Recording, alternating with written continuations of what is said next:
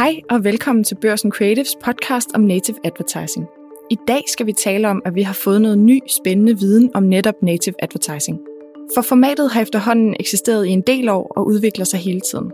Derfor mener vi på børsen, at vi også har et ansvar for at følge med i, hvad målgruppen egentlig synes om formatet, og hele tiden blive klogere på, hvordan vi skal lave det, for at det er troværdigt og skaber engagement, og dermed effekt for dig som brand.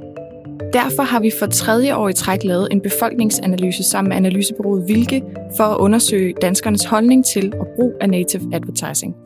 Resultaterne de er lige tækket ind, og dem dykker vi ned i i dette afsnit, så vi alle sammen kan blive lidt bedre klædt på til at lave native advertising, der virker. Jeg er din vært. Jeg hedder Maria Rossen, og jeg er kreativ chef for Børsen Creative – det betyder, at jeg hver dag arbejder med at udvikle og producere native advertising sammen med en lang række forskellige brands til børsen. Med mig i studiet, der har jeg Daniel Ebert Pedersen. Hej Daniel. Hej så Maria. Du er Deputy Head of Data Insights hos Vilke, og du har hjulpet os med at lave undersøgelsen. Tak fordi du vil være med i dag. Jamen, tak fordi jeg måtte komme. Det er jo hyggeligt.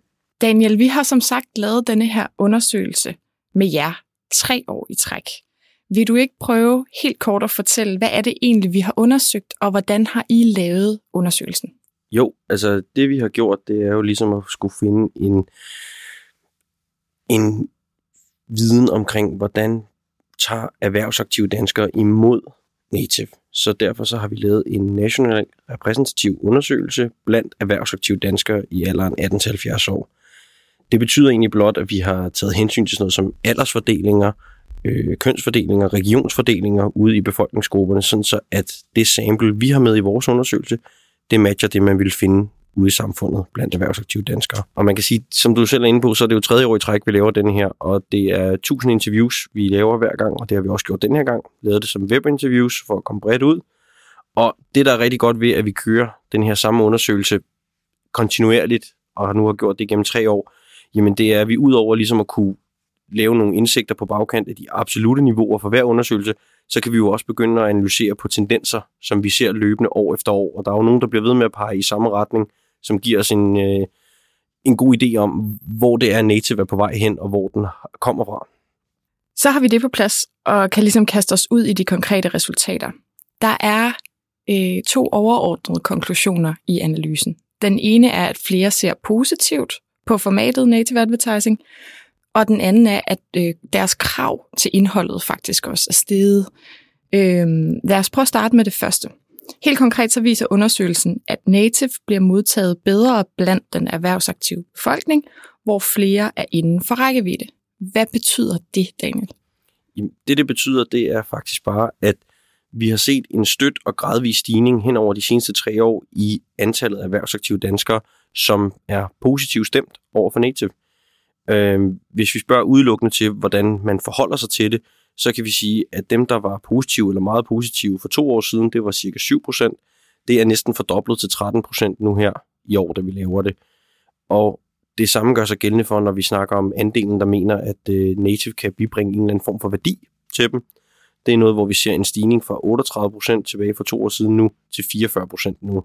Så vi ser hele tiden, at den er stødt stigende år for år, så det er en rigtig, rigtig fin tendens, og det betyder samlet set, at der er flere og flere, der kommer inden for rækkevidde. Det vil sige, at der er flere native kan nå, fordi vi hele tiden ser flere, der bliver positive, og flere, der ser en eller anden form for værdi. Mm. Det er jo, øh, det er jo mega interessant. Øhm, hvis jeg sådan skal prøve at perspektivere det lidt til min egen hverdag, så er det jo, at når jeg eller når mit team udgiver en artikel på børsen.dk, så kan man sige, at den, de møder en barriere hos læserne. Der kan være nogen, der er skeptiske over for det her format. Men det analysen viser er, at barrieren er blevet lidt mindre, altså at paraderne hos målgruppen er lidt mere nede. Hvorfor tror du, at det er sådan? Jeg tror, det, det handler rigtig meget om, hvad det er, native egentlig gør. Det er, jo, det er jo tydeligt at se, når vi sammenligner native-artikler med almindelige artikler, at native artikler klarer sig jo faktisk lige så godt. De leverer jo de samme gode ting, som en almindelig artikel kan levere. Altså i forhold til læsernes, altså, når vi tester opfattelsen, ja, at præcis. den giver værdi, øh, man bliver klogere, eller man bliver underholdt, at de, de synes, de får en god oplevelse med lige det. Lige præcis, det er den samme gode oplevelse, som de vil få ved en almindelig artikel så bliver man så bare honoreret ved, at man er ærlig omkring, at det her det er, det er native-indhold, der kommer nu her. Og det gør jo så også, at det kan ramme meget specifikt ned til nogle målgrupper, der interesserer sig for de her emner, som der så bliver skrevet om.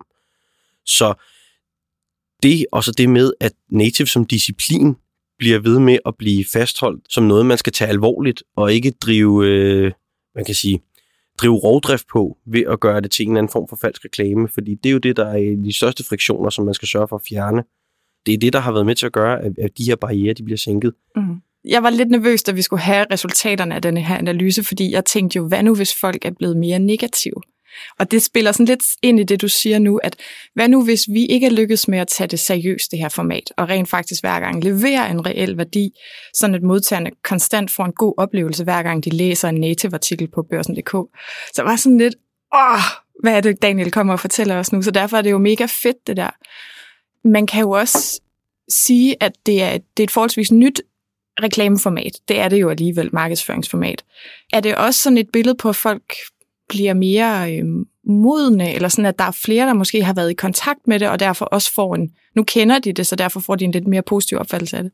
Altså det, der tit er, når vi har med formater, der modnes, det er jo, at, at folk først skal danne sig en eller anden mening om det. Vi så sidste år, at vi så en større polariseringseffekt, hvor der var flere, der fjernede sig fra sådan midterfelterne og ikke rigtig vidste, hvad de skulle mene, til lige pludselig at danne sig nogle holdninger.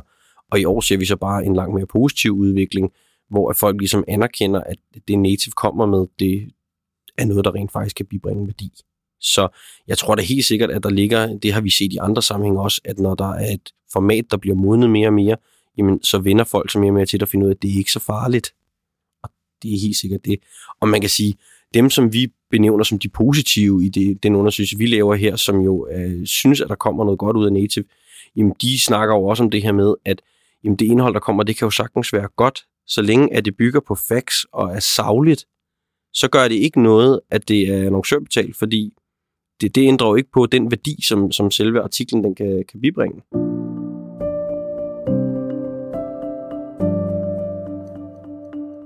Det er faktisk en meget fin overgang til at snakke om den næste sådan overordnede konklusion, der er i analysen. Øh, og det er, at, øh, at reglerne for native ligesom er de samme, men at kravene til indholdet faktisk er blevet større. Hvad, hvad er det, undersøgelsen konkret viser? Jamen, altså fast har ligget, at de regler, der er omkring, at der skal være en tydelig markering, det er der jo selvfølgelig også noget lovgivning omkring og sådan noget, men ikke desto mindre, så er det også det, som læserne eller forbrugerne derude også godt vil have. De vil gerne have, at der bliver sagt fra start af, det her, det er native indhold. Fordi så kan de forholde sig til, om de vil læse det eller ej. Så er det heller ikke noget, der bliver sådan en form for intrusive ting, der kommer ind over deres hverdag, så kan de selv vælge at interagere med det, hvis det er det, hvis det er et emne, som de finder interessant. Men markeringen skal derfor være tydelig. Det er det absolut vigtigste kriterie, det har det været, og det ligger på et fast højt niveau. Men så er der selvfølgelig også det her med troværdigheden. Man vil godt have, at det indhold, der kommer, det er troværdigt. Og det kan man jo så angribe på flere måder. Det, det der kan være med til at gøre indhold troværdigt, det er først og fremmest, at det bliver bragt i et troværdigt medie, at der er flere kilder på, at der er, hvad det hedder, øh, en god sammenhængskraft imellem den annoncør, der er, og imellem det medie, som der bringer artiklen. Det nytter ikke noget, at vi har et high-end produkt, der kører i en discount øh, sektion, eller omvendt. Der, der, vil, der, der er nogle synergier der, der skal gøres brug af, for at det her det fungerer rigtigt. Og så kan man selvfølgelig også tænke over, hvad for nogle medieplatforme man vælger at udkomme på, fordi det har også en betydning i forhold til den troværdighed, som indholdet kan bibringe. Mm-hmm. Og de learnings, du siger nu, det er, det er de svar, der er kommet i, i analysen. Altså det er det, folk de angiver. Det er bare lige for at slå det fast, at det er ikke noget, vi sidder og analyserer på nu. Det, det er det, folk de har, de har sagt. Lige præcis. Det er det, som de angiver som det absolut vigtigste i forhold til, at det her indhold, det er noget, der skal være troværdigt for dem at interagere med. Ja. En ting, jeg lige hæftede mig ved, det var det der med, at mediets troværdighed, det smitter af på, på indholdet. Altså at det opfattes mere troværdigt, når det er på en medieplatform, som målgruppen opfatter som troværdigt. Det kunne jo for eksempel være det medie, man udkommer på, altså et mediehus, for eksempel Børsen eller Politikken eller Berlinske, men det kunne også være selve platformen. Ja. Altså er det en artikel i et magasin, eller på et website, eller på en SoMe-kanal. For første gang i år, der har vi målt på troværdigheden af LinkedIn, som jeg synes gav et lidt interessant øh, resultat. Kan vi prøve at dykke lidt ned i det? Jamen det kan vi godt, fordi at LinkedIn den kommer faktisk med sådan lige under toppen i forhold til et, øh, en medieplatform, der, der er troværdig i forhold til at bringe native indhold. Altså, de eneste øh, andre medieplatforme, der rent faktisk slår dem, det er øh, printannoncen, online-annoncen og øh, print-magasinartiklen. Øh, Når du siger printannoncen, er det native på print? Det er native på print. Det er kun native, vi snakker om her. Det er, når vi snakker om, hvad for nogle medieplatforme, som troværdigt vil kunne bringe native indhold, så er det i den kontekst, vi skal se det. Og der er det kun nogle meget traditionelle medieplatforme, der rent faktisk ligger over LinkedIn. Og det er øh, næsten hver fire, der mener, at LinkedIn vil være et, et troværdigt medie til at bringe den her form for indhold. Så betalt indhold, ja. ja. Hvor ligger Facebook henne i forhold til LinkedIn? Facebook ligger noget lavere. Altså LinkedIn, den er tre gange så høj som Facebook. Det er kun øh, 8%, der mener, at Facebook er en, vil kunne gøre det her på en troværdig måde. Og det samme med, med Instagram, der, er det, der ligger LinkedIn to og en halv gange højere også. Der er det cirka 9%, der mener, at, øh, at det vil være troværdigt at bringe det via Instagram. Så når vi snakker SoMe-kanaler i den dur, der er LinkedIn en anden type og en anden platform i forhold til at bringe den her type indhold.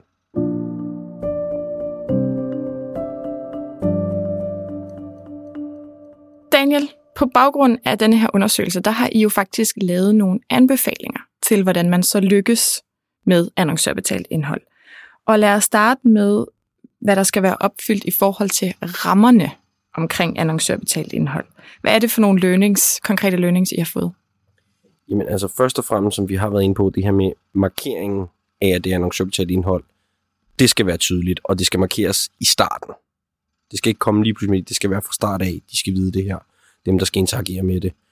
Og så er opskriften på troværdigt indhold, det er stadig det her med, det skal være troværdigt medie, der skal flere kilder på historien, og der skal være en overensstemmelse mellem annoncøren og mediets profil.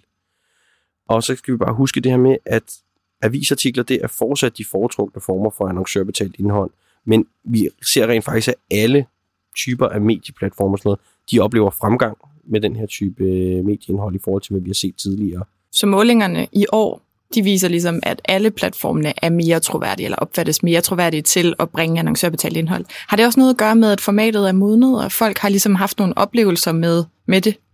Ja, det tror jeg, og det, jeg tror også, det handler om det her med, efterhånden som du oplever det mere og mere på de forskellige platforme, jamen igen, så vender du dig til det og finder ud af, jamen det er ikke farligt, og det er stadig baseret på facts. Og så længe at man betragter det som den disciplin, vi snakkede om tidligere, og så længe de regler de bliver overholdt, ligesom med alt muligt andet almindelig journalistik, det er jo faktisk virkelig mange af de samme regler, der gør sig gældende, jamen når de er overholdt, så, så, så honorerer det sig ved, at forbrugerne derude, de, øh, de stoler mere på det det her med, at du siger, at der skal flere kilder på en historie, det synes jeg jo er rigtig rart at høre, at, at målgruppen rent faktisk øh, siger, at det er enormt vigtigt for, at de gider at, at engagere sig i historien, og også at den opfattes som troværdig. Fordi det er noget, vi arbejder rigtig meget med i, i Børsen Creative, når vi ligesom samarbejder med annoncørerne og siger til dem, at vi kan godt lave denne her historie for dig, men for at den bliver rigtig værdifuld, så skal vi have interviewet de rigtige mennesker, om det er eksperter, eller det er interne kilder hos jer, eller det er en eller anden fed casevirksomhed. Øhm, så det, det arbejder vi rigtig meget med, så jeg, det er også en af dem, jeg er glad for, at det, det belønner målgruppen på en eller anden måde, at vi gør, og de siger, at det er vigtigt for dem, for at de gider engagere sig. I har også skrevet nogle meget konkrete råd på baggrund af undersøgelsen til, hvordan selve indholdet skal skabes, øh, sådan at målgruppen har mest lyst til at engagere sig i det. Nu har vi lige snakket om det der med, at det er vigtigt, at der er flere kilder på, men der er også nogle, nogle andre ting, som er vigtige. Vil du prøve øh, kort at riste dem op? Ja, selvfølgelig. At det, der er rigtig, rigtig centralt, og som er det vigtigste område faktisk, det er, at native-indholdet, der kommer, det afspejler det øvrige indhold, som man vil møde her i mediet. Det, øh, det er også i forhold til de emner, der bliver skrevet om. Det handler også om skrivestilen i mediet. Og det betyder rigtig meget i forhold til, hvad det er for et flow, som øh, dem, som interagerer med mediet, de er i. Man bryder ikke om, at det bliver afbrudt ved, at øh, du møder en helt ny skrivestil eller nogle helt andre emner, end man normalt vil møde. Så det skal være noget, der ligger i stil med det andet, som man ellers ville interagere med. Og det hænger også sammen med det andet, vi har snakket om tidligere med, at annoncørens profil også skal matche det medie, man bringer det i, fordi det vil igen hjælpe meget mere i forhold til emner og skrivestil også, at der er et bedre match den vej rundt. Men så er der også det her med, at de temaer, som man egentlig kan skrive om, den palette er jo blevet udvidet igen igen, ligesom vi har set de, de foregående år.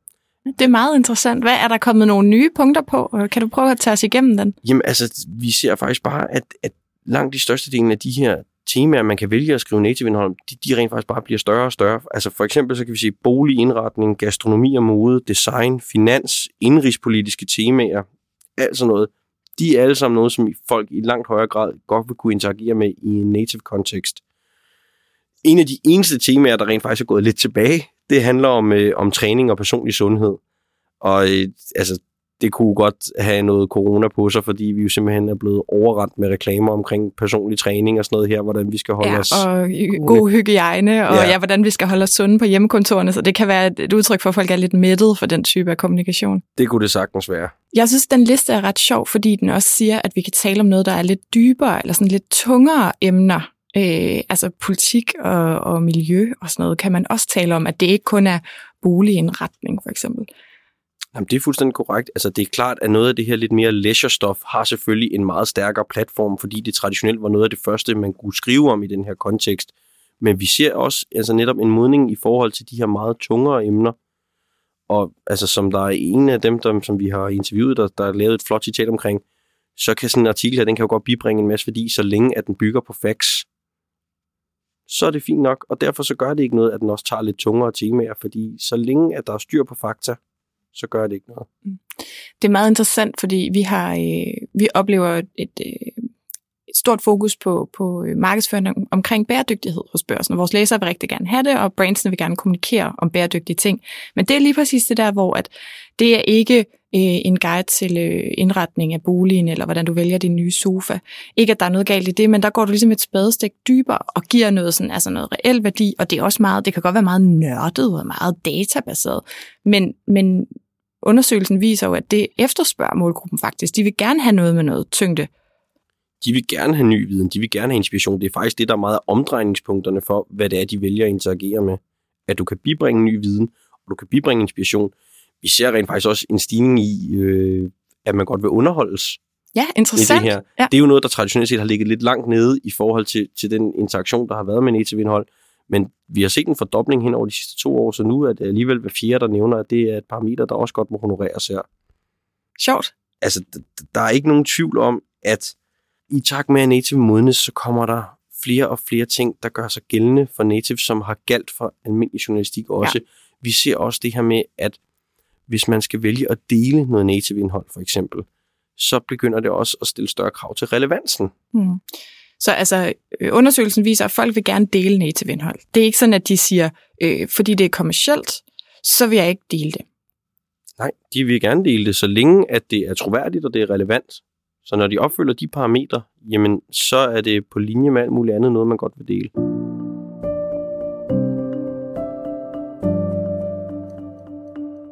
Viser undersøgelsen noget om, hvordan øh, målgruppen sådan demografisk øh, adskiller sig lidt fra hinanden? Altså er der forskel på for eksempel, hvad den yngre målgruppe godt kan lide i forhold til den ældre målgruppe, eller hvilke krav de stiller? Absolut. At øh, dem, der er de mest positive, de har typisk en lidt yngre aldersprofil. De er typisk under 40 år. Og øh, de, dem, der er absolut mest positive, det er en målgruppe, der bliver mere og mere mandsdomineret faktisk. Der begynder at være flere og flere mænd i den målgruppe, og det har været en lille stigning, vi har set år for år. Men helt generelt, så kan vi også bare sige, at den yngre del af målgruppen, altså de under 40 år, de i langt højere grad er villige til at interagere med native, og de er også villige til at se en troværdighed i, at det er på flere forskellige platforme. Så altså, hvis vi tager en, en, øh, en platform som for eksempel podcast, så er det for dem over 40 år, der er det kun 13 procent, der mener, at podcast kan levere native indhold på en troværdig måde, hvor at det er 27 procent, for de, for de yngre, som er under 40. Og det er det samme, der gør sig gældende på en stort set samtlige medieplatforme, der bliver spurgt ind til. Det er næsten en fordobling, eller mere end en fordobling på alle parametrene. Så de yngre er bare langt mere modtagelige og er parat til at modtage det her indhold alle slags platforme. Mm, det er jo mega interessant. Jeg tror, man kan bruge det som brand til, hvordan man opbygger sine kampagner, hvordan, hvilke sådan, øh, formater og kanalvalg man ligesom træffer. At hvis du gerne vil have fat i den yngre målgruppe, øh, og måske de yngre mænd, så hvorfor ikke lave en podcast? Fordi de, de siger selv, at det er et format, de godt kunne tænke sig og, ja, at forbruge, selvom det er et brand, der har, der har lavet det. Ja, altså nu snakker vi jo også om LinkedIn tidligere, og altså vi kan sige, for de under 40 år, der er det næsten hver tredje, der mener, at LinkedIn vil kunne levere native indhold på en troværdig måde. Ja. Så det er jo, at det, det sender jo ret klart signal om, hvad det er for nogle platforme, som de yngre også er på, og hvor de godt vil møde den her type indhold. Præcis, og der sidder en målgruppe, som er klar til at konsumere noget, noget branded indhold, noget native indhold. Lige præcis. Hvorfor tror du, det er sådan? Generelt så kan man sige, så mange af de her medieplatforme, det er jo også nogle, som de yngre er mere født ind i, end, end de ældre generationer, som, som ikke på samme måde tager øh, de mere moderne, hvis vi kan sige det, sådan platforme til sig som podcast, øh, Facebook, Instagram, LinkedIn, sådan nogle ting. Så, så der er jo selvfølgelig noget, noget med noget rent skær teknologisk parathed selvfølgelig. Men, men det handler nok også om, at de yngre, der er vant til at interagere i de her medier, de er ikke rigtig så bange for, at de bliver øh, snydt, eller øh, man kan sige, at, de bliver, at, der, at der sker noget, som de ikke kan overskue ja. på de her medier. Så det, det tror jeg helt klart har en, øh, en effekt. Det ser vi i hvert fald i andre sammenhænge, at der er en større øh, øh, hvad hedder det, sådan noget, selvtillid omkring at kunne færdes på de her mere moderne medier, når man er yngre. Så målgruppen sidder faktisk og tænker, det er fint, jeg bevæger mig her på LinkedIn, jeg sidder og kigger i mit feed, så kommer der en, en, en native øh, eller en annoncørbetalt artikel, en, en sponsoreret øh, post. Det kan jeg godt afkode, at det er kommercielt, og derfor er jeg helt tryg ved at engagere mig i indholdet. Ja, helt sikkert. Og man kan sige, du vil jo få lige så vel som at du benytter et troværdigt medie, altså et mediehus til at levere dit indhold, så har LinkedIn jo også en, øh, en troværdighed over sig kvæg det medie, som det er. Så det vil jo selvfølgelig også være med til at påvirke, at, at man er mere tilbøjelig til at ville, ville stole på det indhold, der kommer. Hvis vi lige skal prøve at opsummere, Daniel. Øh, hvad synes du så er de vigtigste tendenser, der er i, i denne her øh, native-analyse 2021? Sådan som jeg ser det, så er det i hvert fald, at vi kan se, at man kan lave native inden for flere og flere emner. Man kan gøre det på flere og flere medieplatforme og til en større målgruppe. Og når vi så samtidig ligger det sammen med, at det er de yngre, der er mere modtagelige over for det, og som også igen ser det som troværdigt på langt flere medieplatforme, så kan man jo kun sige, at hvis man arbejder med native, så ser fremtiden rimelig lys ud, fordi det ligner altså, at det er noget, der kun bliver større, hvis tendenserne fortsætter, som de har gjort de sidste par år. Så helt sikkert en, øh, en meget, meget positiv udvikling og hvis man sådan øh, skal kigge, også kigge ind i fremtiden og prøve at arbejde med at fjerne nogle af de barriere, der jo trods alt stadigvæk er omkring formatet, for der er stadigvæk nogen, der er skeptiske. Hvad, øh, hvad skal vi så gøre? Først og fremmest så handler det om, at man skal være ærlig omkring, hvad det er for en type indhold, man leverer. Og så skal man være kompetent. Man skal, man skal tage disciplinen alvorligt.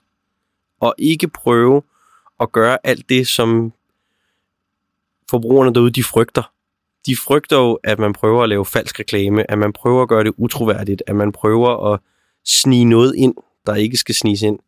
Vær ærlig omkring, det her, det er annoncørbetalt, men det bygger på fakta.